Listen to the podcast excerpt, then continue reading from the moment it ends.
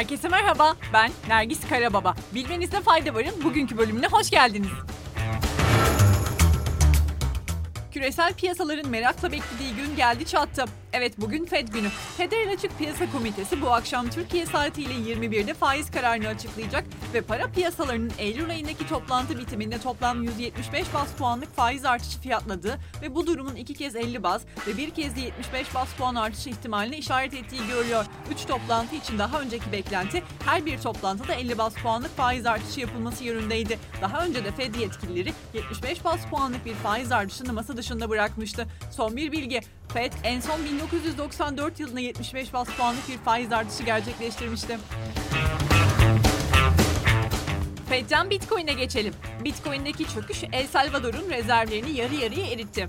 Bitcoin'i yasal para birimi olarak ilan eden El Salvador'un rezervleri piyasadaki kötü gidişat sebebiyle yarı yarıya eridi. Ülke daha evvel 105.6 milyon dolara denk gelen 2300 Bitcoin'lik bir rezerv oluşturmuştu. Ancak El Salvador'un rezervleri 13 Haziran itibariyle 52 milyon doların altına kadar geriledi.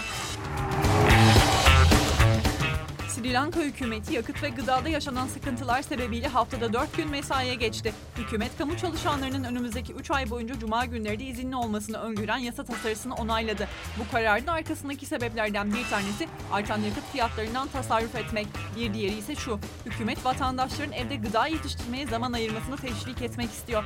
Sri Lanka son 70 yılın en büyük ekonomik krizini yaşıyor. Ülkede yakıt, ilaç ve gıda ithalatında ve yine dövizde sorun yaşandığı belirtilirken ekonomik kriz sebebiyle kıtlık yaşanmasından endişe ediliyor.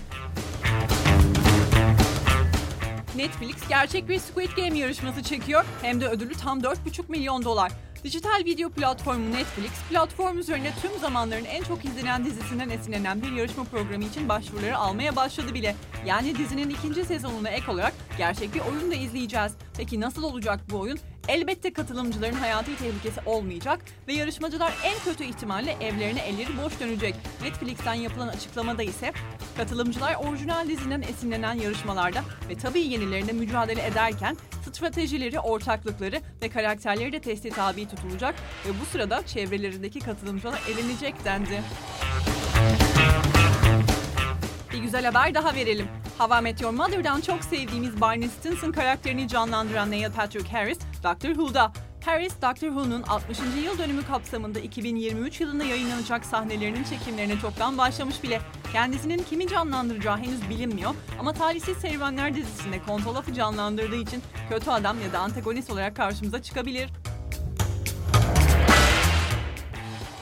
Sırada daha da güzel bir haberimiz var. İtalya'daki bazı trenlerde köpeklere özel bilet uygulaması getirildi. Yani büyük evcil hayvanlar trende sahiplerinin yanındaki yeri ayırtabilecek. Yüksek hızlı tren işleten İtalya tarafından yapılan açıklamada şu ifadelere yer verildi.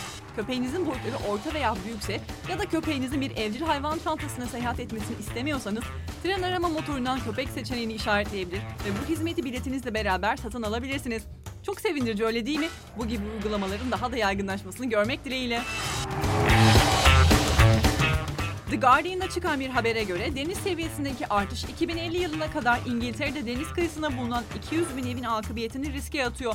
Bu evleri kurtarmak gerek dalga kıran gerekse diğer pratiklerle çok maliyetli olacağı için belki kimse bunu yapmayı denemeyebilir bile. Yaklaşık bir hafta kadar önce de yine İngiliz Çevre Ajansı deniz kenarındaki evleri kurtarmanın ne ekonomik ne de olası olacağını söylemişti ve bütün toplumların iç kesimlere doğru kayması gerekebileceğine dair bir açıklama yapmıştı.